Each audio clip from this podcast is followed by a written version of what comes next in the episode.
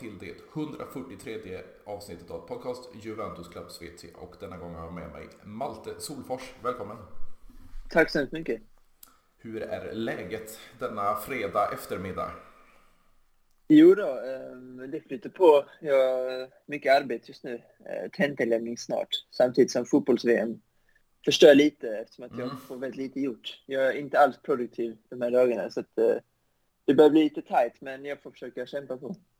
Ja precis och, och eh, anledningen att jag, jag har med dig nu i podden det är ju för att jag, du har varit väldigt aktiv på, på Juventus eh, Club Svezias Twitter och, och i mycket publiceringar där och så ja, halka in på din profil och det var ju spännande eh, intro eller biografi om dig. Det stod bland annat Varese och eh, Comor och Calcio.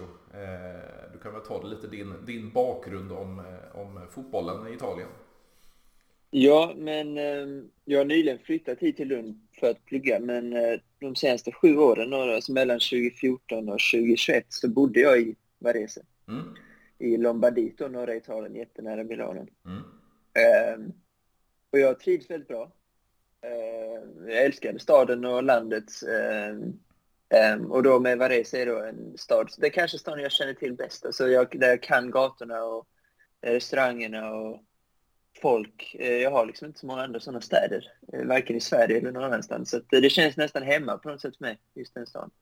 Eh, och kommer då Calcio, det har jag snöat in på lite nu de senaste månaderna eftersom att eh, jag blivit mer och mer trött på den engelska och den moderna fotbollen. Mm. Jag höll på Liverpool Ja, i princip sen jag var 9-10 år har jag hållit på Liverpool väldigt intensivt. Men sen egentligen Super League-konceptet lanserades då för, vad var det, drygt ett år sedan. Mm. Um, och nu när det dessutom är ägarbyte så har jag känt mindre och mindre kärlek för det laget. Um, och då har jag uh, halkat in mer och mer i Serie A, mer och mer i Allsvenskan. Um, och då har jag liksom fått, Malmö FF är mitt stora lag då, men uh, Como Calcio är ändå ett lag som jag ändå följer ganska nära nu. Um, um, som ligger i Serie B då för tillfället. Um, men jag skulle absolut inte säga att jag håller på dem, men jag håller ett öga på dem. Det, vi har varit väldigt mycket där, jag och min familj, och arenan är också har jag varit på flera gånger. Inte just sett matcher, men runt omkring. Um, och historia om Dan Corneliusson som var fantastisk mm. och sådana grejer. Så att, uh, det är väl det fotbollslaget. Som att Vareses fotbollslag, jag hade jättegärna hållit på dem, men uh, det finns nästan inte ens en professionell verksamhet uh, där just nu. Det är fjärde, femte divisionen. De har varit i konkurs, eller varit i konkurs för ganska många år sedan och de har inte alls lyckats resa sig. Så att fotbollsintresset där är ganska lågt, åtminstone för den lokala fotbollen, utan det är mycket mer volleyboll och basket. Utan alla håller då på antingen Inter eller Milan i princip. Mm. Um, så att Varese, det finns inget fotbollsintresse för just Varese, därför har jag röstat in på Como då istället. Och där befinner sig ju visst eh, Cesc Fabregas, om jag inte minns helt fel också. Ja, och anfallsparet är Alberto Cerri och mm. Patrick Cutrone. Um, som, eh, ja det flög ju inte varken i Wolves eller i Milan får man säga. Så att eh, Serie B kanske passar honom bättre. Han har inte gjort så mycket mål där heller i och för sig, men vi får se. Det, det lär bli bättre. Han gjorde väl en sväng i, var det Fiorentina också va? Om jag inte ja, det också. Mm. Ja, precis. Uh, jag tycker, jag har aldrig tyckt, jag tycker det är en ganska begränsad fotbollsspelare, men jag trodde ändå att i Serie B att han inte skulle få ut mer än vad han har gjort. Como ligger just nu för tillfället på nedflyttningsplats, bara före Venezia och Perugia. Mm. Um, så att um, de får se till att höja sig för annars blir det Serie C nästa år. Ja, och den andra du nämnde där, det var ju eh, var väl framförallt med, med Ciro Immobile som, som Alberto Cerri var, var i ja. Torino där, i våra stadsrivaler. Exakt, exakt. Eh, också Cerri inte heller, jag tyckte aldrig han var speciellt duktig heller. Eh, Immobile överglänste honom, får man verkligen säga. Eh, men de ska se till att lösa detta tror jag. Eh, de är, det är väldigt tajt där. Utom då Venezia som också hamnat förvånansvärt ändå. Nio poäng ligger de på och kommer 13. Så både Venezia och Perugia ligger väldigt pyrt till. Men kommer, jag tror ändå de löser det. Det finns ändå eh, en holländsk talang i backen också som spås eh, många Serie A-klubbar har ögonen på tror jag. Eh, så jag tror de ändå fixar det. Men eh, vi ser. Ja, det var just Venezia också som det är väl både, om man ska ta den, den romantiska delen med, med Venedig och, och eh, sättet som de har sin klubb på. Sen så kom den här hipster-grejen då med var väl tre, fyra tröjor som var väldigt, eh, väldigt, väldigt fina. Mm. Och även klubbemblemet. Det, mm.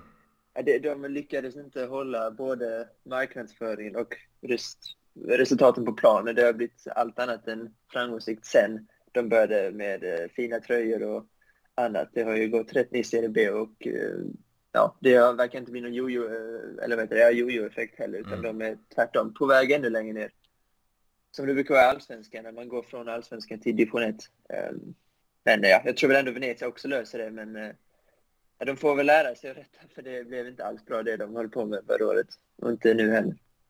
Nej precis, vi har ju, lite, vi har ju en annan klassisk klubb som åkte ner i Serie B i, i Genoa. Plus att Sampdoria ser inte, eller såg ju inte jättebra ut förra säsongen heller. Så just de här klassiska klubbarna, de har eh, traskat ner i Serie B dessutom. Mm. Genoa dock tror jag ändå haft en ganska bra inledning. De ligger mm. uppe i toppen och många, många, tror att de kommer lösa det. Um, däremot tror jag att Sampdoria just skulle ha det lite svårare med att göra den om de nu skulle halka ner. Om de inte gör förändringar under säsongen. För att det är en klubb som har liksom gått ner och ner, alltså stadvis känner jag att den har gått liksom från då 10 eller 9-10 när Albin var med till exempel. Mm. Från 14, 15. Förra säsongen tyckte jag att både de och Udinese, sen har ju Udinese, det, det säsongen är ju helt otrolig. Eh, men jag tror att båda de klubbarna, trenden pekar verkligen neråt för båda två. Och det känns som att Sampdorias trend, om inte någonting verkligen förändras, är Serie B och att de typ skulle etablera sig där på en treårsplan i varje fall. Eh, Medan Genoa ändå hade det, den Tysklandskopplingen som var under slutet mm. förra säsongen. Att de kände som att de skulle ändå lösa det på något sätt. Lite mer orolig för Sampdoria men eh, de är inte ute än och mycket kan hända också. Ja precis, det är ju drygt halva säsongen spelat och sen som du, ja, som du nämnde med ett VM-uppehåll mitt i det, det känns som det blir en extremt konstig säsong. Man har ju redan släppt eh, datum för, för kommande säsong och då blir det mer av ett normaltillstånd så att säga. Mm. Eh, precis, och eh, ett lag som just Sampdoria, det bör gynnas att de får ett break så här mitt i. Eh, till skillnad från de storklubbar där spelare ska spela en hel turnering och många skador. Vi såg Danilo till exempel nu, mm. Juventus eh, missar gruppspelet. Och det är ett sånt lag som just Sampdoria som inte har speciellt många VM-spelare på plats. Det, jag tror det, det är väldigt bra för de mindre klubbarna, sämre för storklubbarna. Det är väl någon fördel att de ändå kan ha de här, ta de här veckorna och försöka samla sig på något sätt. Ja precis och det, det, vi har ju i Juventus extremt mycket skador under första delen av säsongen egentligen. Vi har ju 11-12 spelare som har befunnit sig på skadelistan och, och eh, kanske framförallt då en Pogba som återvände och var skadad direkt och fick operera sitt knä. Och sen har vi ju en Kesa då som, som sakta men säkert återhämtar sig från sin korsbandsskada från förra säsongen. Så när vi träder in i januari och vi inte har eh, mängder med spelare skadade igen då efter ett VM så känns det ju som att eh, Juventus verkligen är på G. Ja, alltså absolut. Jag håller Juventus som fortfarande ska jag säga favorit till att vinna hela scudetton. Um, kombination då såklart av Napolis historia att de mm. i princip aldrig vinner scudetton. Uh, har väl bara hänt en eller två gånger med Maradona där. Mm. Um, uh, och även Spallettis lite grann förlorarrykte också, att han heller inte lyckas ro saker i hamn. Uh, sen också klart då Juventus och den trupp de faktiskt har när alla spelare på plats. Och det har det ju inte varit under, inte någon eh, tid under hösten, utan det har varit en helt galen skadelista faktiskt med eh, ja, tvåsiffriga. Och det har inte heller varit på vilka som helst, utan det har varit Pogba, Kesa sen förra säsongen i och för sig, mm. Blaovic även nu på slutet. Eh, Bonucci har varit ute och in. Det är väldigt många som har skadat. Då är inte Juventus trupptäcket. När man spelar med Federico Gatti i Champions League till exempel, då då blir det som det blir. Mm. Eh, eh, och även med Fagioli, även om det, jag tycker ändå han ser ganska spännande ut, så är han ju inte någon som kommer att skjuta hem scudetton till Juventus den här säsongen, utan det ska vara Vlahovic. Eh, så att eh, jag tror att om Juventus får alla spelare tillbaka redan nu till ja, januari, februari och de ändå håller 10 poäng, helst kommer ner till 7-8, så tror jag att Juventus, jag skulle säga att de är favoriter till att vinna hela scudetton. Ja, för det har ju blivit väldigt extremt skillnad från, från de 5, 6, 7 första matcherna till de, de sista ja, 7, 8 matcherna i, i, i, ligan. För det blir ju sex raka vinster då med noll insläppta mål. Mm. Eh, vi låg ju långt efter. Nu är det på 24 poäng efter 15 omgångar. Vi har Milan på 29 och vi har Napoli då på 37. Men som du är inne på då att, att Napoli har inte historien av att vinna. Eh, lite skakig Spalletti, både Fiorentina och tidigare uppdrag som man har haft. Eh, jag har ju tyckt hela tiden att Milans förra säsongen när man vann eh, scudetton så eh, man gjorde det på ett juve-eskt sätt. Att man, man vinner de här skitmatcherna även fast man spelar eh, mm. riktigt, riktigt dåligt. Och det känns inte som Milan håller den nivån denna säsongen riktigt.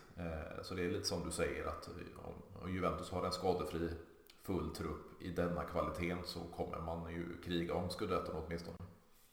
Ja, absolut. Eh, sen det här med Milan är ju väldigt spännande för att jag tycker inte att den truppen fortfarande är speciellt bra. Eller det är klart att det är en helt okej okay trupp. Tycker ändå att de ska vara topp fyra i ligan och eh, eventuellt gå vidare från en Champions League-grupp beroende på vilka som är med i den. Men eh, det är väldigt många begränsade fotbollsspelare i det laget. Ehm, för jag, och då tänkte man förra säsongen att det skulle vara liksom en sån säsong där allting gick rätt. Eh, och med Juventus som hade kräftgång Napoli var Napoli, rumklubbarna inte hade den höjden, då var det bara inte kvar. Um, och de lyckades schabbla bort det, får man inte säga att inte gjorde, inte ha en bättre trupp. Hade ett väldigt bra utgångsläge där vi runt, även om Milan sen blev inte mästare. Um, så var det bland annat, ja, Leao är den enda spelaren tycker jag som har verkligen världsklasspotential. Mm. Um, sen hade man, sen ska man absolut inte underskatta Giroud och det han har betytt. Eh, det är verkligen en målskytt, en nia som var extremt delaktig ska jag säga under den våren. Eh, sen är det mycket Sälemäkers, De Ketelar. Jag gillar inte Rebic, men det är heller liksom ingen... Nu är jag ju Scudetto-vinnare i och för sig då, men eh, för mig är inte, är inte han den spelaren. Benazer har blivit under den här säsongen tycker jag betydligt bättre än vad han var under förra året. Tonali fortfarande för 2000.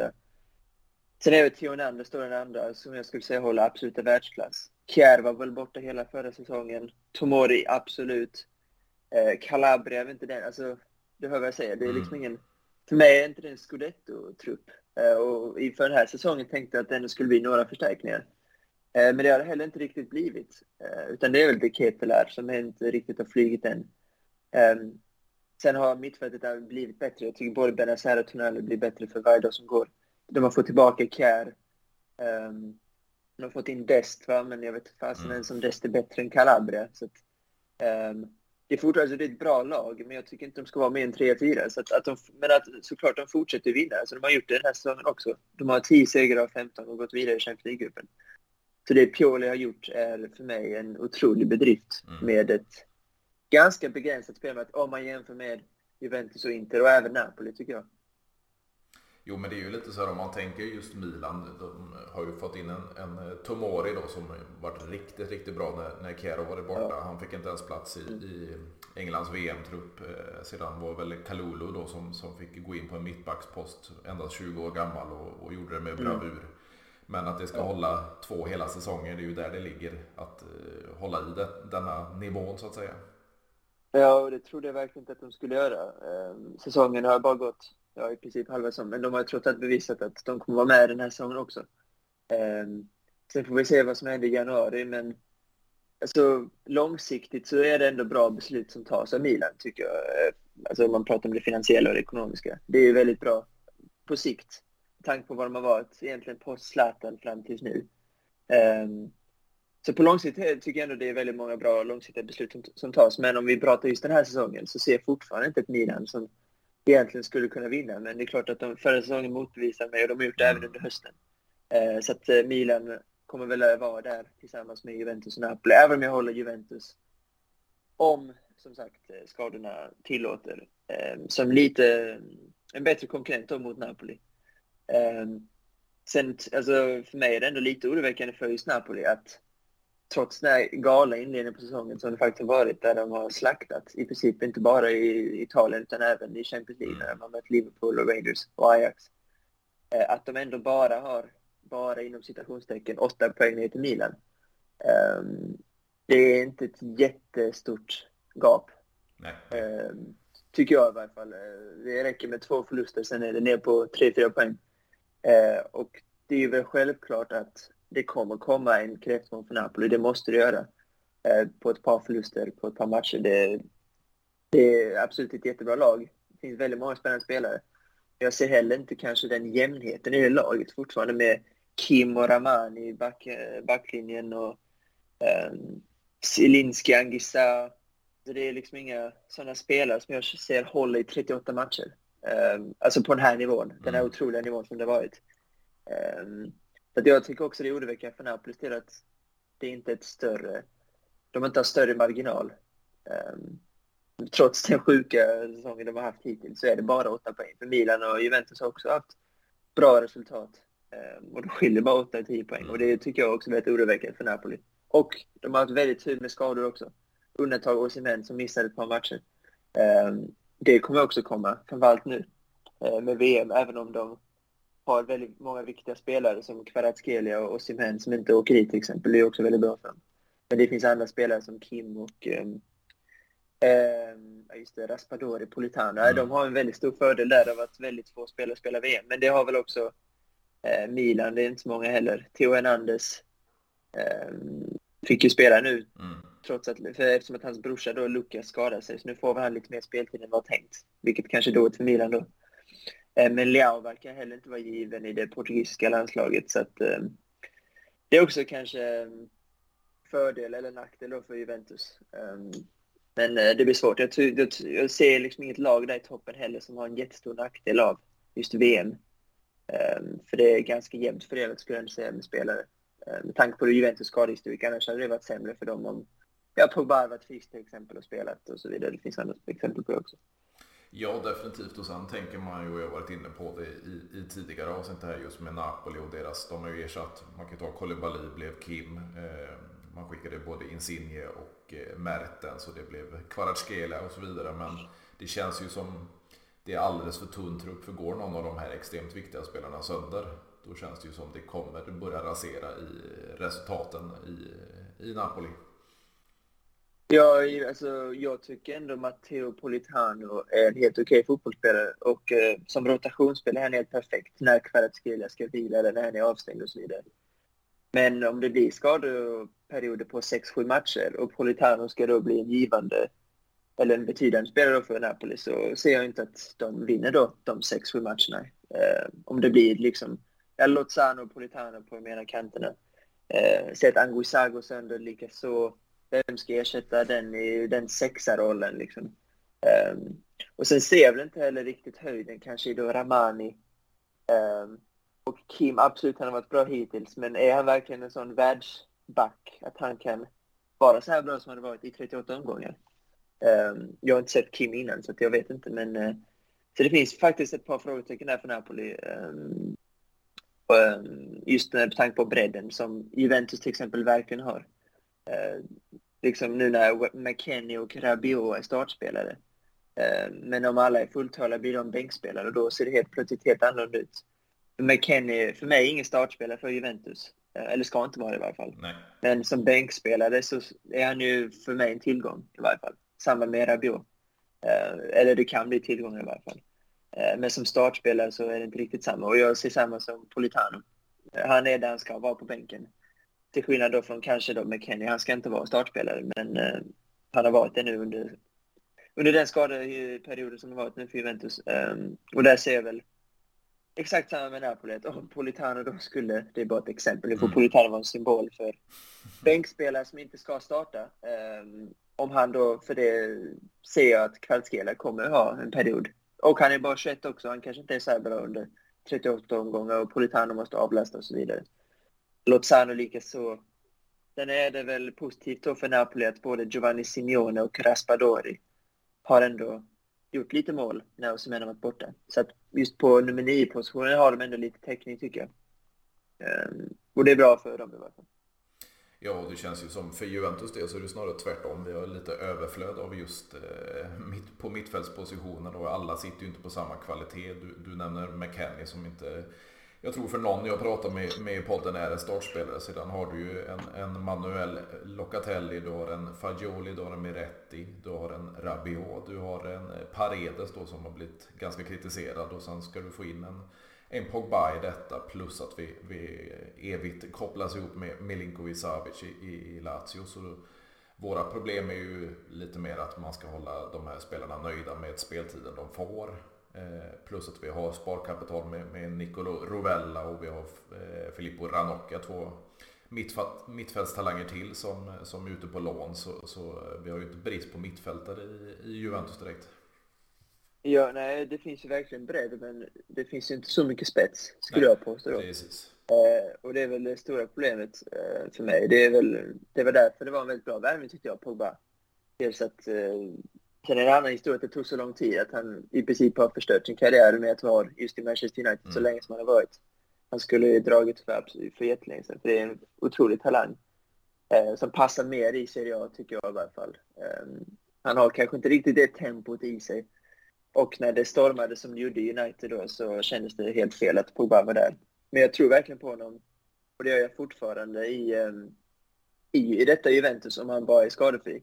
Men jag tror på sikt om honom. Jag tror verkligen att han eh, kommer lyckas. Och jag tror också det är en pusselbit som har saknats. Eh, eh, en tia-aktig spelare som jag tror att de tänkte att de hade i typ Kulusevski, alltså en sån spelare som alltså en sån yttermittfältare, tia, som verkligen kan skapa lägen åt nior som ändå har funnits här. Jag tycker inte Alvaro Morata är en jättebra spelare, men jag tyckte ändå att han var tillräckligt bra. Nu har de fått in Vlahovic, det finns en Milik Eh, som kan, eh, och även Moise Ken. Eh, som det verkar som att de vill signa honom i långtidskontrakt, vilket jag ändå kan tro. Jag tror ändå det kan vara bra för Juventus att ha den eh, bredden på nio positionen. Men det krävs just någonting där bakom. Minkovic Savic hade också varit en toppenvärvning eh, för eh, Juventus. Ehm, att ha både han och Pogba. Sen en Kesa, Di Maria, Vlahovic. Ehm, och sen, eh, jag tror också verkligen på Paredes. Jag tror att i en sexa-roll så tycker jag att han är bättre där än vad Locatelli är. Ehm, så att ett mittfält då i ett 4-3 med Paredes, Locatelli, Pogba eller till och med Milinkovic Savic. Det är ett riktigt starkt mittfält om man jämför då till exempel med Ja, men så som de har spelat mycket nu, eh, alltså McKennie, Rabiot och eh, Miretti till exempel. Mm. Det, är, det är helt annan nivå. Um, och det är inte så långt borta. Utan det är skador egentligen som, eh, mm. som eh, gör att de inte har det.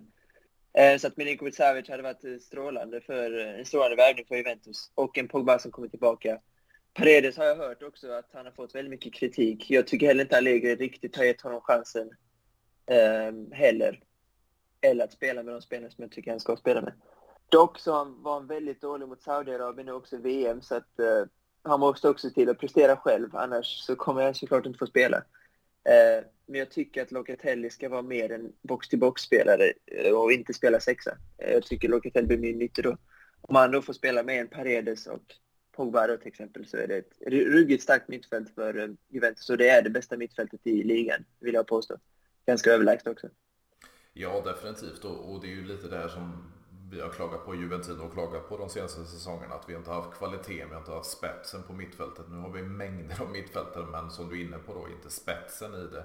Och eh, Pogba var ju den, den eh, nyckeln som vi, vi försökte få in där, men så kommer dit skadad och sen den här operationen då och så vidare. Men när vi mm. träder in i januari så känns det ju som att den här eh, pusselbiten kan falla på plats. Men då är det ju snarare fram till där vi inte riktigt har varit. Alltså Vlahovic har fått jobba mer hem än vad han har varit eh, en boxspelare egentligen.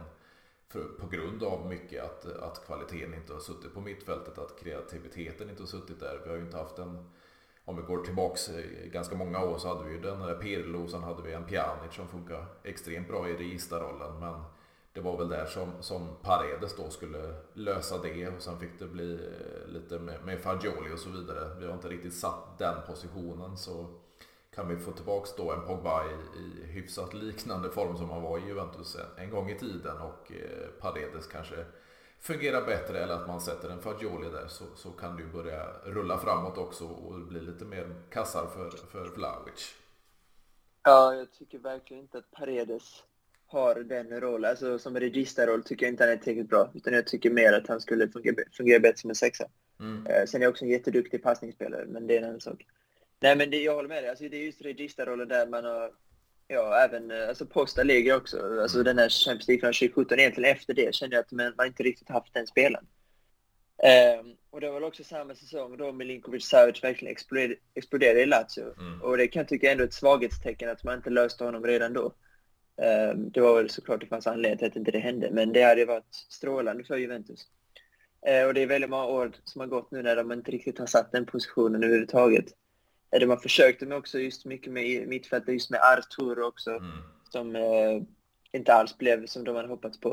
Eh, sen eh, känner jag att de ändå, med Pogba, om han håller sig skadefri så är det en pusselbit som kommer att lösas. Jag är helt övertygad om att han att hans nivå fortfarande, han är ju inte så gammal, alltså han är väl bara 29 år gammal, så att han har ju ja, förmodligen tre bra säsonger till, minst, eh, om han får hålla sig skadefri. Och då med Molinkovic Savic så är det, det är ett otroligt starkt, eh, ja, en otroligt starkt eh, position de har där på registerrollen. Och de har en nia, jag håller med dig helt, Vlahovic har inte jag tycker inte alls han har varit dålig, utan han har gjort det han har kunnat, tycker jag. Men det mm. finns inte den kreativa uppbackningen på mittfältet. Eh, det finns inte.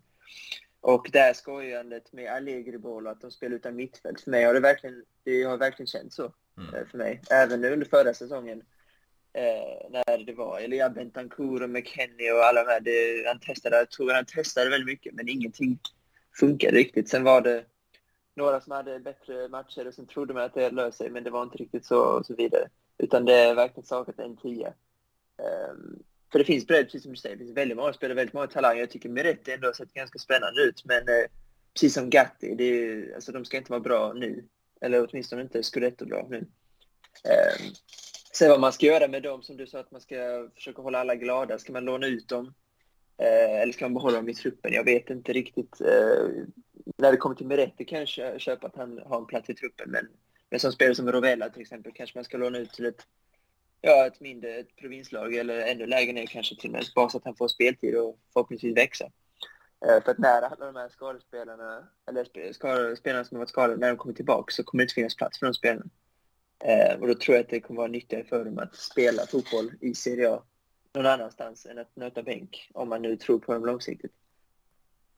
Ja precis, det är ju som du minner på, alltså de är ju inte, de är inga färdiga produkter just nu utan de är ju där 19, 20, 21 eh, årsåldern och, och Gatt är lite äldre då. Men, men vad tänker du som har koll lite på Serie B? Han blev ju vald som Serie Bs bästa spelare förra säsongen i Frosinone, Gatti. Eh, mm. Tror du att han har vad som krävs för att spela för en klubb som Juventus? På sikt tror jag det. Uh, absolut. Eh, men det tror jag verkligen att han har. Eh, han var väldigt bra förra säsongen uh, och fick väldigt mycket. Och det var inte så konstigt att just det var Juventus. De också en bra värvning för att just på back, mittbackspositionen har de haft så bra täckning under så många år med, jag växte upp med Bonucci, Bertzali, Chiellini. Det var liksom inga frågetecken överhuvudtaget. uh, och det var så i flera år. Eh, även tycker jag med Delift. Jag tyckte han var ganska bra under sin tid. Eh, också verkligen spelare som de slarvade bort, tycker jag. Eh, man ser nu bara i Bayern München vilken potential han sitter. Eh, och med Chiellini och nu även Bonucci som har varit väldigt skadedrabbad. Eh, så jag tycker verkligen att mittbackspositionen var, det är väldigt bra att ha det långsiktigt. Men jag tycker han har bevisat nu under hösten att det är inte riktigt, han är inte riktigt där nu. Eh, men jag tror absolut på sikt att han kommer vara en startspelare i Juventus, om han får chansen. Eh, och om han får hålla sig skadefri och sådana premisser. Det... Sen är det så väldigt stor skillnad på Serie B och Serie A, ska man också komma ihåg. Så att, eh, men jag tror absolut, jag tycker han är, men det är en fysisk spelare, jag tycker också han är ganska bolltrygg, positionssäker. Men just nu är han lite för dålig på allting för just den här nivån. Om man jämför med Bremen till exempel, som jag tycker har varit ett ett utropstecken den här säsongen. Mm. Väldigt förtjust i mittbacken, verkligen. Sen tycker jag att um, man måste ganska snart ha en mittback här och nu som kan täcka upp bättre för Bonucci. För man ser ganska tydligt att Bonucci inte riktigt... Mm. Han kommer absolut inte spela, det visste vi redan innan, han kommer inte spela 38 matcher utan hans kropp håller kanske för ja, 19 eller 20 i alla fall. Um, och jag tycker inte man har en tillräckligt bra backup. För uh, Rogani, jag vet, det är väldigt också... Mm. Jargongen i Italien är väldigt mycket att han eh, väljer Rogani och De Chilio och sådana spelare som inte är Juventus. Um, och det är inte en tillräckligt bra trea då, helt enkelt. Um, och det tycker jag inte Gatti är heller. Um, och det, det, är ett svaghetstecken för mig att de inte har bättre uppbackning där. Då är det nästan bättre att spela Danilo där, tycker jag. Vilket de ändå, han ändå har gjort ett, mm. ett par matcher. men jag tycker att om det är något man ska gå för i januari så är det en till mittback som eh, som, kan, som står redo när Bonucci inte eh, kan spela. Eh, för där är inte riktigt Gatti eller Rugani eh, ännu. Men jag tycker som sagt, om vi ska sammanfatta Gatti-värvning, väldigt smart värvning på sikt. De behöver eh, förnya sina, sina mittbackspositioner. Och eh, jag tror verkligen att Gatti kan vara en riktigt bra spelare för Juventus. Ja, för det känns ju som det är som du är inne på. Vi hade ju en Chiellini, Basagli, Bonucci, en trebackslinje som även var samma i landslaget och givetvis en Gigi Buffon där bakom. Men just de här italienska mittbackarna, de, de växer inte på trä nu för tiden känns det som och de har inte kommit till Juventus. Vi har ju kört de sista matcherna i, i ligan med trebackslinje bestående av tre brassar. Eh, mm. med, med Bremer Alexander och Danilo då. Sedan som du mm. säger, mm. vi har bara egentligen en, en gammal Bonucci som är på nedgång. Vi har en Rugani som inte håller och vi har en Gatti som är inte riktigt testad för, för Serie A och definitivt inte för, för Champions League. Och då sitter vi bara med, med, en, med en Bremer egentligen. Eh, sedan talas det ju om diverse mittbackar här och där men det är ju inga, inga små pengar om du ska ha de spelarna. Eh, altern, alternativt är det ju då Giorgio Scalvini i Atalanta som det talas om en hel del om. Eh, mm där vi har lite konkurrens då från, från både Inter och Manchester City. Så, så eh, ja, det, det är ju svårt att säkra de här spelarna också. Ja, det är det verkligen. Och eh, framförallt om konkurrensen blir England, för då har de ju väldigt lite att sätta emot, när det kommer till pengar i alla fall. Mm. Sen tycker jag ändå att de, det var ett styrkebesked ändå i januari när Vlahovic kom och han mm. sa att jag vill spela i Juventus. Uh, jag ville det. Utan att Juventus har den maktpositionen fortfarande. I många yngre spelares perspektiv i alla fall. Eh, där inte pengarna riktigt spelar en roll för hans del. För Vlahovic hade kunnat gå till, eller Manchester United var det väldigt mycket snack om, även Arsenal. Mm. Utan han valde Juventus. Och att just deras rykte, deras position i italienska fotbollen är fortfarande väldigt stark. Och där har de ju såklart en stor fördel gentemot City. Eh, eller det är den enda fördel de har, just ekonomiskt och mm. eh, ja, även sportsligt. Numera så är det klart att Manchester City är eh, mer spännande och såklart kanske mer lukrativt också. Men jag tror ändå just de här italienska spelarna som Scalvini att Juventus har en fördel där. Sen är det klart om de eh, går före Inter, det vet jag inte. Sen kanske inte just Scalvini som spelar heller som jag hade satsat på just nu. För nu tycker jag de behöver en kortsiktig lösning som kan spela, ja tills egentligen Bonucci inte kan spela längre. Så att när Bonucci inte kan spela så måste han vara redo. Typ en Nkolo-typ som, som jag tycker är ganska duktig i Torino som spelar mm. bredvid Bremer. En sån typ av spelare som har ganska mycket erfarenhet, eh, inte skadebenägen utan kommer stå redo när Bonucci inte kan. Eller för all när Bremer är avstängd eller skadad till och med. Så det finns bättre täckning där. Men det är intressant att vi pratar om just mittbackspositionen, eller egentligen hela backlinjen. Mm. jag tycker också att på sikt är det ändå ytterbacken som man behöver också. Eh, med tanke på att Alexander och Danilo och Quadrado blir inte yngre. Även om jag tycker om alla tre spelare, tycker de fortfarande är ganska bra. Um, det är såklart att de behöver på sikt förändra det, men de har bara släppt in sju mål under hela säsongen eh, i, i Serie A. Så att, eh, det är också lite lustigt att uh, stärka mitt backlinje, att det är där det behövs förstärkas när man bara släppt in sju mål, vilket är, ja, det är inte ens ett halvt mål per match i snitt. Um, så det tycker jag ändå är lite spännande, att det är just där man mm. diskuterar. För, för framförallt högerbacken tycker jag att uh, en sån som Emil Holm till exempel, uh, för jag tycker inte Karstorp heller är riktigt nej, Juventus. Nej, nej. men det har ryktats. Och det tycker jag är en sån värvning som hade varit lite symptomatisk för Juventus um, sportcheferi de senaste åren kan jag tycka, sådana spelare. Um, uh, det tycker jag absolut inte de ska satsa på. Uh, utan jag tycker en sån som Emil Holm då uh, hade varit ett mycket bättre alternativ som hade kunnat stå på tillväxt bakom då Quadrado, Danilo och sen förhoppningsvis om två, tre år verkligen vara redo att kunna spela. Um, det är en sån värvning, som Gatt, en sån Gatti-värvning, att mm. ha dem precis bakom nu under ett par år och sen, för att sen ta över. Eh, då tycker jag att Emil Holm är den högerbacken just nu i Serie A som jag tycker hade varit faktiskt mest klockren där. Jag var nyligen och såg på i Sverige och Algeriet och jag satt eh, precis, alltså Emil Holm sprang där runt högerkanten och jag satt väldigt nära honom under första halvlek. Och det är spel som jag verkligen tycker om. Det är verkligen mycket karaktär. Han känns lite Dajube, för då har det också ryktats mycket om Juventus precis innan. Och kände att med den karaktären han har och många kvaliteter han har så hade Juventus faktiskt varit en klubb som hade passat just han och hans personlighet också Eh, en riktig vinnare, och en karaktär. Så att Emil Holm är en sån spelare som jag hade nog satsat också på. Kanske inte just, eh, just, just nu i januari, men åtminstone till ett sommarfönster. Um, men annars är det ju en ganska färdig trupp. Jag tycker heller inte man, alltså till skillnad från Milan tycker jag som behöver, behöver spetsa till, eller åtminstone ja, förstärka offensivt i varje fall. Så jag tycker att Juventus har en ganska bred trupp nu och det är faktiskt inte så många, det är väl de här tio positionerna, men där har vi också Pogba. Um, ehm, så att jag tycker inte Juventus behöver göra så mycket utom den här mittbacken som jag tycker att man behöver. Um, det är en väldigt komplett trupp, men det är klart att om det är 11-12 skadade spelare, vilket är helt bisarrt, så ser det ju väldigt tunn ut. Men uh, jag tycker man såg det när många snackade att han funderade på spelsystem och sånt. Jag tror att det var du som skrev det, jag såg på Twitter, att han funderade på 3-5-2, 4-3-3 och allt vad det var att byta nu när han får tillbaka några spelare.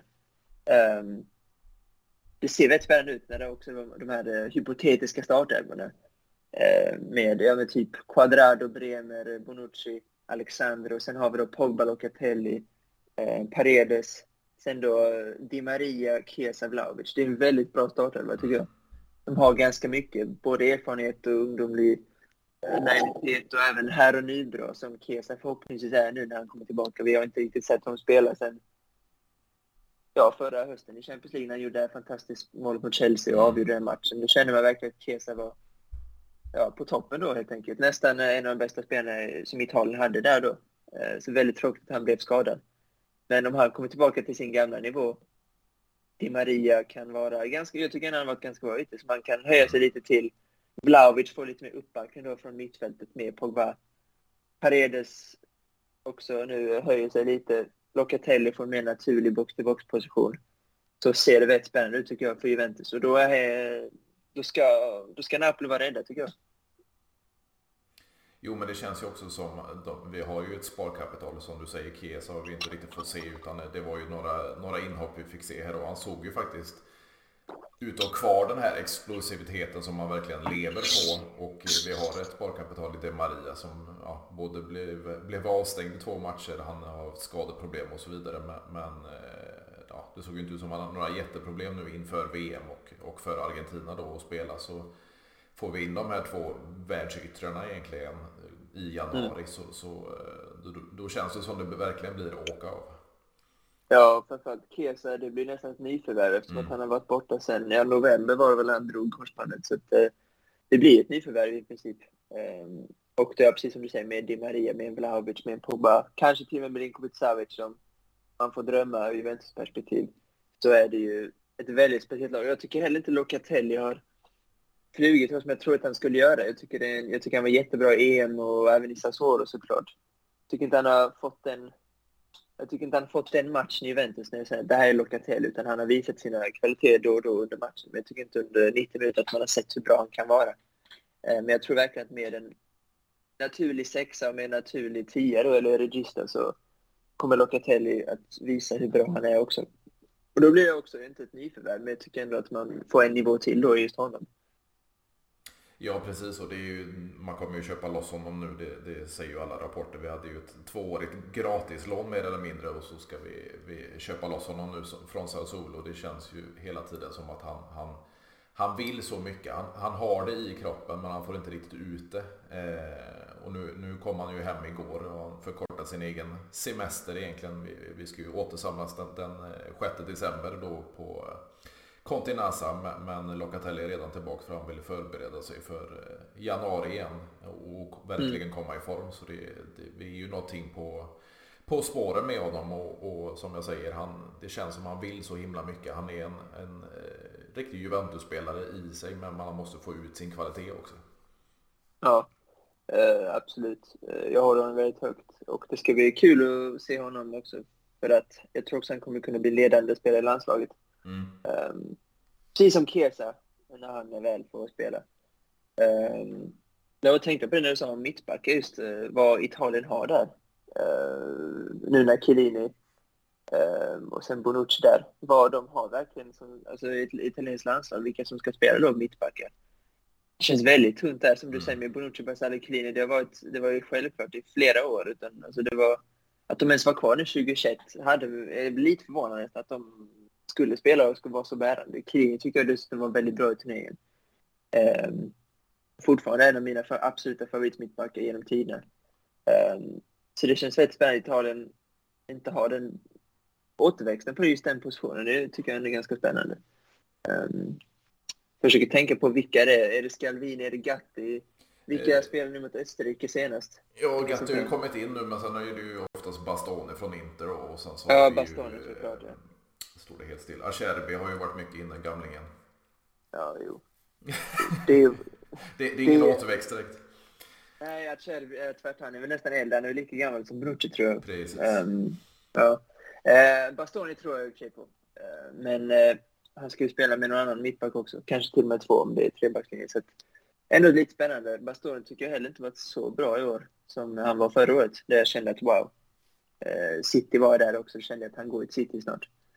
Men precis som eh, uh, De Frey tycker jag att han har varit um, inte riktigt nått samma höjd som han gjorde under förra säsongen.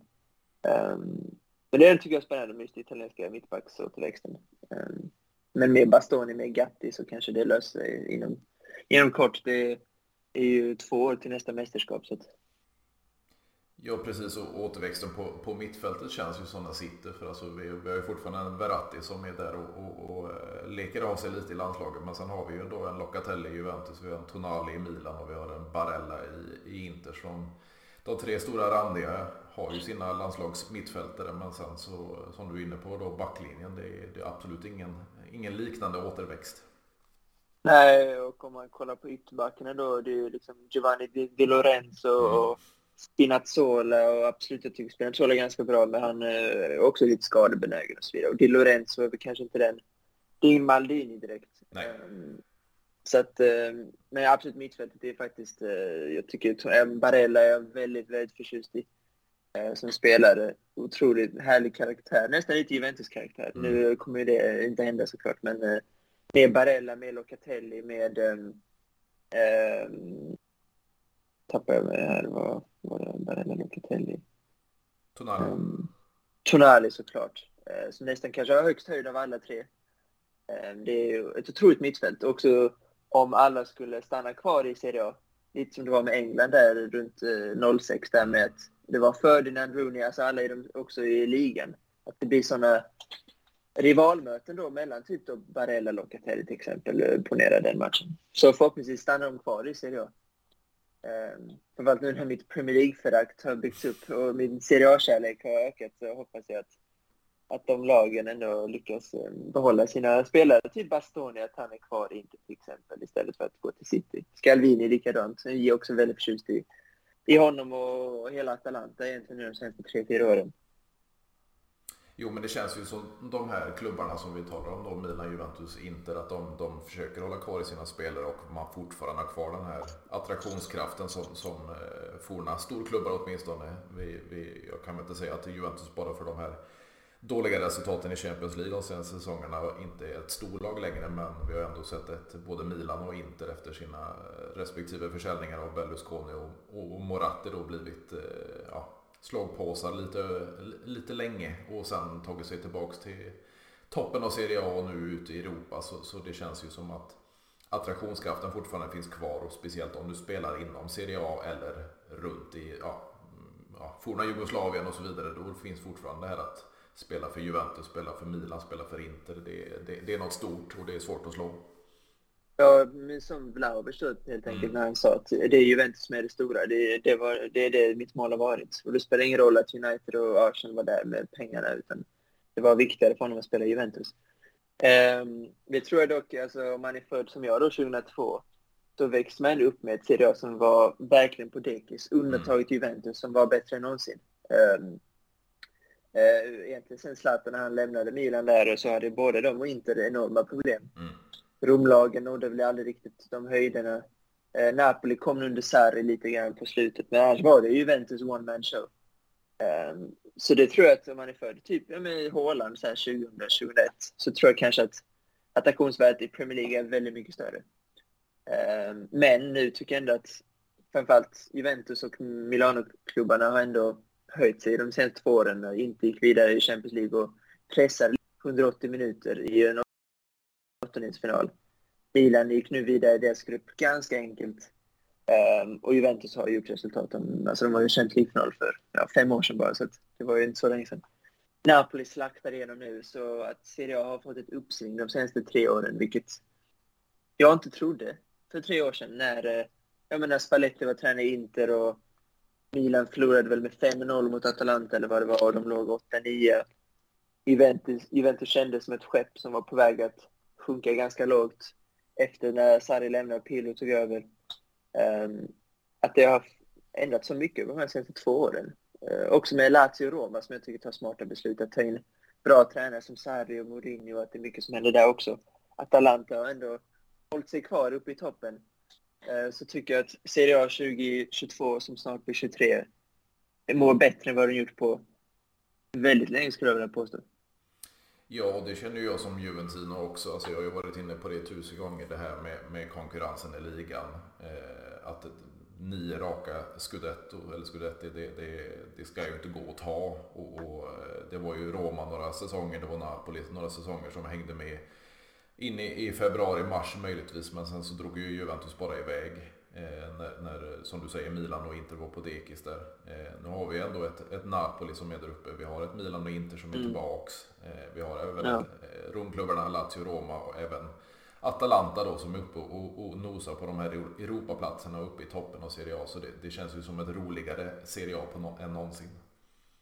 Ja, alltså som objektiv eh, tittare är det ju att följa den här ligan är ju mycket mer intressant när det också finns flera olika lag och flera intressanta projekt. Eh, tycker jag att eh, man kan ändå följa och det är också klubbar som gör, liksom är på väg uppåt tycker jag ändå. Eh, det är inga som man ser nedåtgående trender för i, de här top 7, i det här topp 7-siktet i varje fall. Man skulle väl kunna argumentera att det är Juventus då i sådana fall, men jag tycker ändå att med Pirlo var ett lite rock bottom och lite under förra säsongen om man kollar på truppen, framförallt det här icke-externa mittfältet, så kände jag att nu är de på väg tillbaka upp igen. Sen om Allegri är den tränare som ska föra in dem i den här nya, inte eran, men när de kommer tillbaka till att vinna skuretten och gå långt i Champions League, för det var ändå ett tag sedan de gjorde det. Um, um, var det Ajax, var det kvartsfinal 2019 eller var det åttondelsfinal? Eh, Nej, det var, kvart. det var åttondel. Då var det väl, det var inte då 2017-2018 senaste gången de ens gick förbi åttondelsfinalen då i en Champions League-match? Eller Champions League-turnering? Ja, du ser ju. Um, så att um, det är väldigt spännande att se de här sju lagen um, faktiskt gå mot betydligt ljusare tid. Även en sån liten grej som att Roma vinner Conference League och sådana grejer. Um, inte för att det betyder jättemycket, men de stod ändå där och slog Feyenoord var det va? Um, det är ändå ett styrkebesked för italiensk fotboll. Samtidigt som de vann EM 2021. Mm. Um, om man går tillbaka till typ 2016 Uh, nu gick det väldigt bra för Italien i Europamästerskapet, men det var ju enbart på grund av Antonio Conte. Den truppen var ju knappt bättre än Sveriges trupp, skulle jag nästan vilja påstå. Och då var Sveriges trupp ganska svag. Um, men, uh, och då stod jag också med Milano-klubbarna i typ rock bottom. Um, så det var det var Juventus och ett ganska mediokert landslag.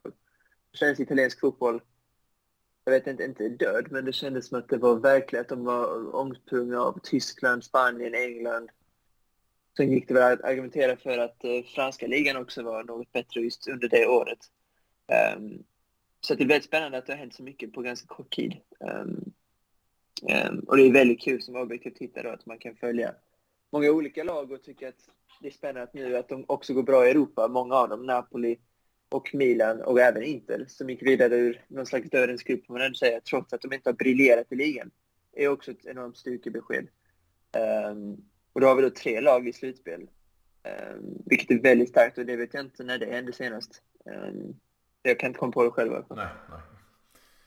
Nej, för det känns ju som, som Serie A, det är nästan tillbaks till när jag började. Så jag började ju på, på 90-talet och kolla på, på den italienska fotbollen och då var det ju som man kallade det då de sju systrarna. Eh, det har ja. ut lite, det är väl de moderna idag då, det är ju Juventus, Milan, Inter, Lazio, Roma och då kan man väl kalla Parma och blivit utbytt mot Atalanta och Fiorentina mot Napoli. Så, så har du de sju sista ja. i modern tid. Ja, och det är jättekul. Eh, för fotboll är så viktigt där nere och det är även under de här åren när jag flyttade dit, precis då 2014, 2015, 2016, det var då det var väldigt tufft. Eh, för framförallt Milan och inte, det var ju de lagen man mm. höll på där nere. Eh, så var, finns det ändå en stor passion trots det. Och intresset för EM16 var också väldigt stort trots att ingen var jättespeciellt intresserad av just laget. Det var liksom Eder och Graziano Pelle och liksom, det var ju sådana spelare. Det var ju backlinjen i och för sig då, trebacklinjen och Buffon. Mm. Det var ju de som var kvar, men utöver det var det väldigt lite som var där. Som, eh, som folk tyckte var spännande. Men det är väldigt kul att se att de känner att man kan hävda sig igen. Jag tror det kändes som att, de var helt, att det var helt hopplöst. Att vi har ingenting att sätta emot typ Tottenham och sådana klubbar Eh, som man kan tycka borde vara, inte efter, men åtminstone på samma nivå som de här eh, italienska klubbarna. Ehm, men nu är det annat när Napoli fullständigt körde över Liverpool till exempel. Även om det var ett ganska dåligt Liverpool så var det ju ett väldigt starkt Napoli som ett otroligt flexibelt lag som kan spela på många olika sätt. Men framförallt kan de ju trycka på en gasknapp som egentligen inget lag i den här serien eh, kan göra. Ehm, utan det, när de sätter igång så är det väldigt många spelare, mycket rotationer, det är väldigt underhållande att kolla på. Ehm, sen är det ett mästarlag över 38 omgångar. Det är kanske tveksamt, det kanske är bättre lämpat för Champions League då till exempel. Ehm, men det skulle bli väldigt kul att följa den här utvecklingen om det fortsätter så här i två, tre år till. Hur långt kan det bära då för Napoli till exempel i en Champions League-turnering? Kan de mm. gå till en semifinal? Kan vi ha ett år där ja, två, tre klubbar i semifinal till exempel, som England verkligen har haft de senaste åren. Um, vet inte riktigt om jag tror så högt, men uh, det är väldigt spännande i varje fall. Ja, och sen är det ju det här med att spela på alla fronter. Alltså vi får ju se då ett Napoli som, som får spela egentligen i fyra olika turneringar. Eller ja, tre olika turneringar. Det blir ju Champions League, det blir i, i Serie A, det blir Coppa Italia. Och man då mm skademässigt en trupp för det, eller bredd i truppen för det. För det är ju där som kanske Juventus framför allt, men även Inter och, och möjligtvis även eh, Milan då har en, en fördel i att ha bredare trupper och kunna spela på alla fronter. För det är ju det som kritiken har varit eh, lite över de här lagen i Serie A plus att konkurrensen inte har funnits där tidigare. Att Juventus inte har gjort någon succé i, i Champions League-spelet. Men, men eh, det känns ju som Napoli borde drabbas ännu värre av detta. Ja, det kan man verkligen tycka. Juventus har dessutom en tradition av, eh, av det. Napoli har inte mm. den erfarenheten heller, eh, vilket såklart är en nackdel. Och det har inte Spalletti heller. Det är en rutinerad tränare som har, jag tycker, gjort bra jobb egentligen överallt, men han har inte nått den här riktiga fullträffen någonstans. Um, uh, även om jag tycker ändå inte det var en bra språngbräda för honom. Han tog ändå inte topp fyra, vilket de inte hade varit på ett tag. Um, gick löste ändå inte avancemang till Champions League, trots att man besegrade Tottenham där på hemmaplan. Jag var på plats där. Um, det var mycket sånt, men uh, nu har han verkligen, vad blir det, sex, sju månader att motbevisa hela italienska uh, ja, fotbollslandet, uh, eller vad man ska säga. Det känns mm. som att det skulle kunna bli en förbundskapten eller till och med Juventus får tag i honom. Det känns ju svårt, men um, det, han har väldigt mycket att bevisa nu med månaden, men han har också väldigt mycket att vinna. För att det skulle vara han skulle bli kung i Napoli för, alltså, liksom för alltid. Om han lyckas lösa den här scudetton. Eh, men om det är något lag, om det är någon tränare, känns det som, som ska sumpa det här läget så är det ju faktiskt Napoli och Spalletti, tyvärr. Mm. Eh, det hade faktiskt varit roligt, säger jag som objektiv, om de hade lyckats vinna. Det är också, jag tycker också det är ett ganska roligt lag, många jätteroliga spelare. Det är väldigt, det var en liten grej, men att Kvaratskhelia kommer från Georgien och sådana grejer, det, det gör något för mig i varje fall. Och att också den spelstil han har. Um, väldigt kul att vi såg honom också när han mötte Sverige. Mm. Eh, till exempel innan han, var i, innan han var i Napoli. Och eh, redan då såg man ju vilken otrolig spelare det var. Um, um, så att uh, jag tycker att det är spännande för Napoli. Sen om jag säger slåss på två fronter. Det blir ju svårt såklart. Har man den bredden. Jag tycker ändå att det finns en bredd där. Men är den bredden tillräckligt spetsig? Det är väl det som är den stora frågan. Um, sen är det kanske just brist på erfarenhet av att slåss på tre fronter, framförallt så här sent. Det kommer vara väldigt intensiva matcher nu i Champions League.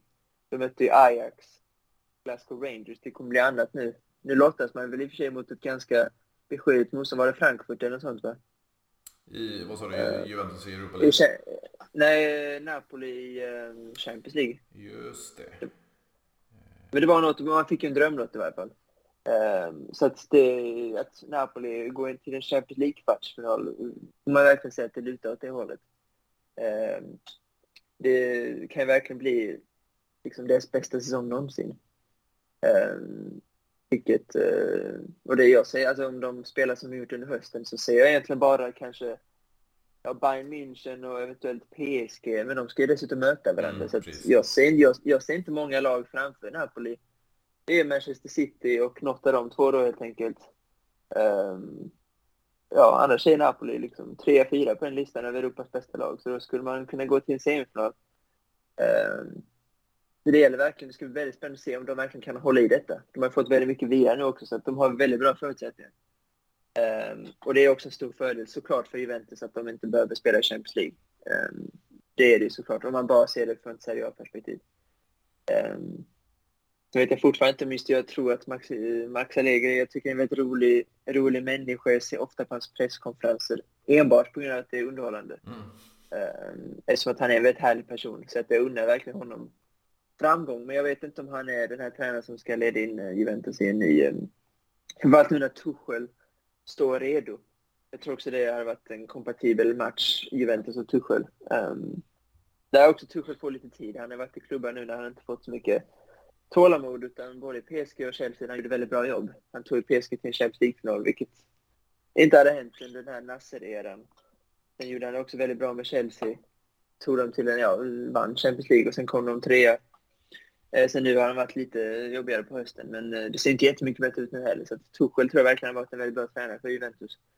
Eh, så att, eh, men det är klart, det är dyrt att sparka honom, men eh, jag vet inte. Sen kan man ju, ska man verkligen sparka honom efter den eh, fantastiska stretch av matcher man haft nu. Mm. Det var sex, sex, sju raka segrar, man har bara släppt in sju mål han har ett skade, han har skadeproblematik att peka på. Det är, det är verkligen ingen ursäkt, utan det är fakta att man har haft 11-12 spelare borta under stora delar av säsongen, vilket han inte ska behöva liksom handskas med egentligen, utan eh, det tycker jag ändå att han har, liksom, han har papper på sig. Att eh, man ligger tre här i Serie A med den truppen man har haft, det vill säga utan de här eh, skadorna, så är man inte bättre än Milan och Napoli. Men när de kommer tillbaka då ska man faktiskt kunna lägga in en växel till. Så det är också väldigt mycket bevis för, upp till bevis för Allegri om han fortfarande har det. Ja, och det är ju där man ligger själv. Jag, jag var ju inte sist ut direkt att skriva under en, en eh, avgång för Allegri för om vi går tillbaks en, en 7-8 omgångar. För det, det, man såg verkligen ingen utveckling överhuvudtaget. Men med den här vändningen och att vi har då haft in en, en Maurizio Sarri på ett treårskontrakt sparkades efter en. Vi tog in en Pirlo på ja. tvåårskontrakt sparkade efter en. Vi kan inte sitta och sparka tränare efter tränare längre utan nu valde man att ge Allegri ett fyraårskontrakt. Man valde att satsa på han. Han skulle ställa om, eh, göra ett nytt projekt, eh, sätta den höga lönen. Eh, då, då, får vi fortsätta köra på Allegri och sen då om, om två år till så får vi väl sätta en, en, ett längre projekt med en, med en mer spännande tränare. Ja, precis. Och det är väldigt roligt för uh, Allegri. I princip under hela förra säsongen tjatade han ju om sitt om Passetino alla Volta och mm. snackade om det varje presskonferens. Och man kände att men det börjar bli lite. Nu har du ändå fått väldigt mycket tid.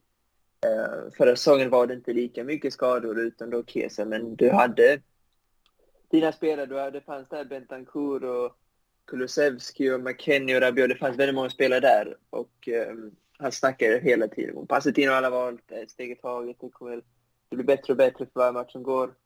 Um, och den kanske, för mig, är det mest oroväckande kanske den självbilden han har skapat. Eller åtminstone när han liksom snackar om att eh, 1-1 uh, borta mot uh, Salernitana, så det är ett bra resultat i en tuff bortamatch.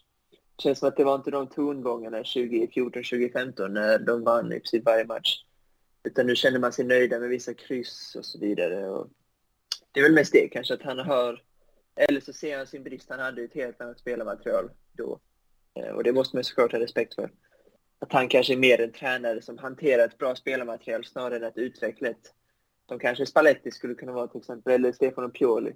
De har lyft spelare som ja, Leao, Kalulu och Tonali och, och så vidare. Medan Allegri kanske är en spelare som inte utvecklar de här yngre spelarna som, eh, ja men Dejan Kulusevski är ett bra exempel till mm. exempel, där han inte alls lyckades få honom att spela speciellt bra fotboll och man såg ju att direkt när han kom till Tottenham så sprack det upp. Det finns ju en otrolig fotbollsglädje i Kulusevski som är...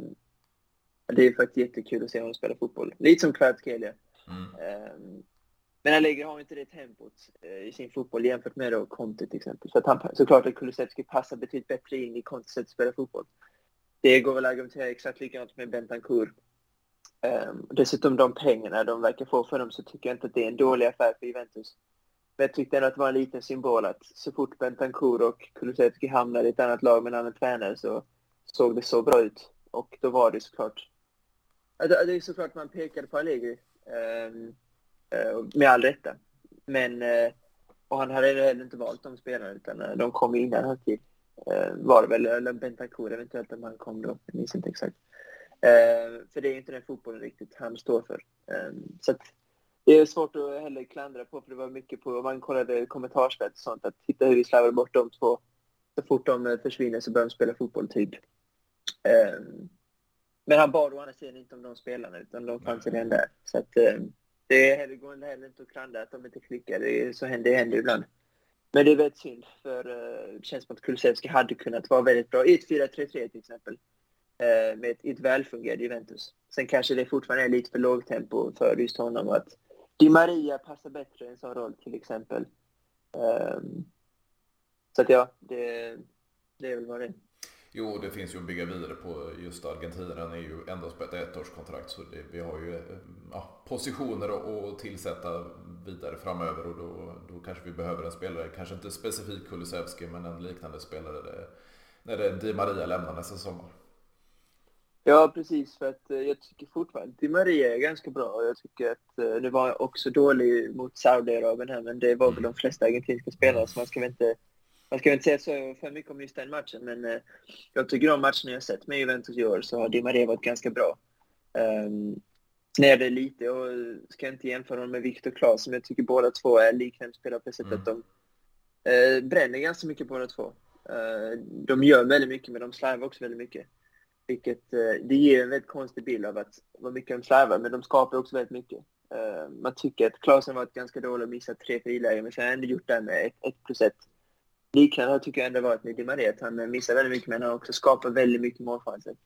Ehm, men som, som du säger, han är väl 88 så att ehm, han kommer absolut inte vara bra hur länge som helst. Och skadedrabbad eh, lär han ju också bli mer och mer, så de måste hitta en ytter eh, på sikt. Sen tror jag inte med Allegri att Kulusevski är rätt spelare, så jag tycker inte man ska ta tillbaka honom. Ehm, utan det blir väl någon mer, ja men Memphis Depay tror jag hade jag tror han hade varit väldigt bra i Juventus.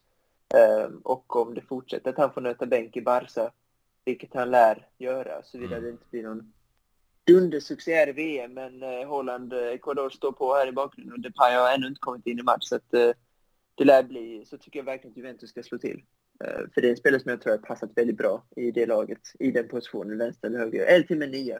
Mm. Men han bör ju spela såklart som höger eller vänster där Vlahovic finns, och även Milik.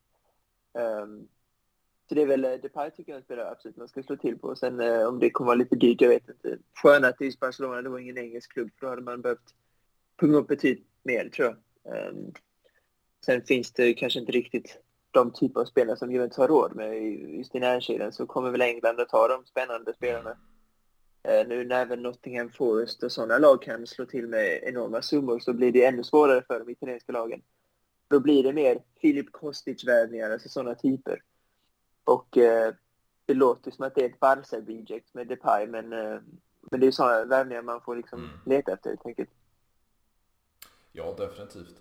Eh, det känns ju som att vi kan prata i, i timmar Malte. Eh, det var ett väldigt roligt avsnitt för, för eh, som sagt jag hade ju inga förväntningar egentligen men du har bred kunskap om, om, om Serie A, om Juventus och Calcium överlag känns det som. Så jag tycker vi kan ta ett ett nytt samtal lite längre fram när säsongen är igång igen och, och köta igenom lite vad du tycker och tänker.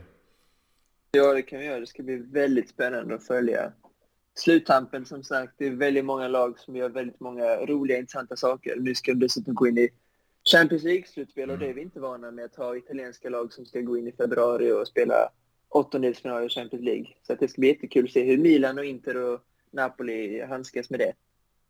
Ja precis, det har ju stor effekt på, på, på Serie A som överlag då och Juventus då går in i ett Europa League som inte vi är vana vid. Så, så eh, det blir en mycket spännande vår framöver. Ja just det. Ja just det. Ja, det får väl rädda Champions League-platsen via det istället kanske.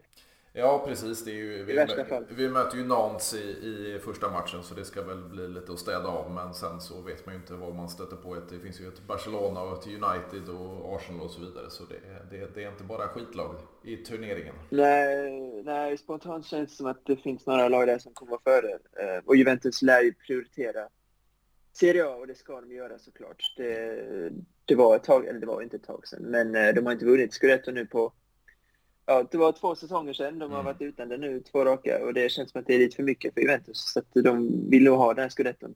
Men det ja. viktigaste är såklart att de löser en Champions League-plats och att de eh, sätter ett par positioner, att de får tillbaka några spelare. Och sen ser vi hur det ser ut i juni, om det är värt att fortsätta eller om man ska behöva renovera ännu mer. Mm. Definitivt, det finns en del att jobba på. Men eh, så stort, stort tack Malte för att du ville vara med så får vi ta ett, eh, ett nytt snack lite längre fram. Ja, det får vi absolut göra. Ha det så gott. Detsamma, detsamma. Hej, hej. Hej, hej.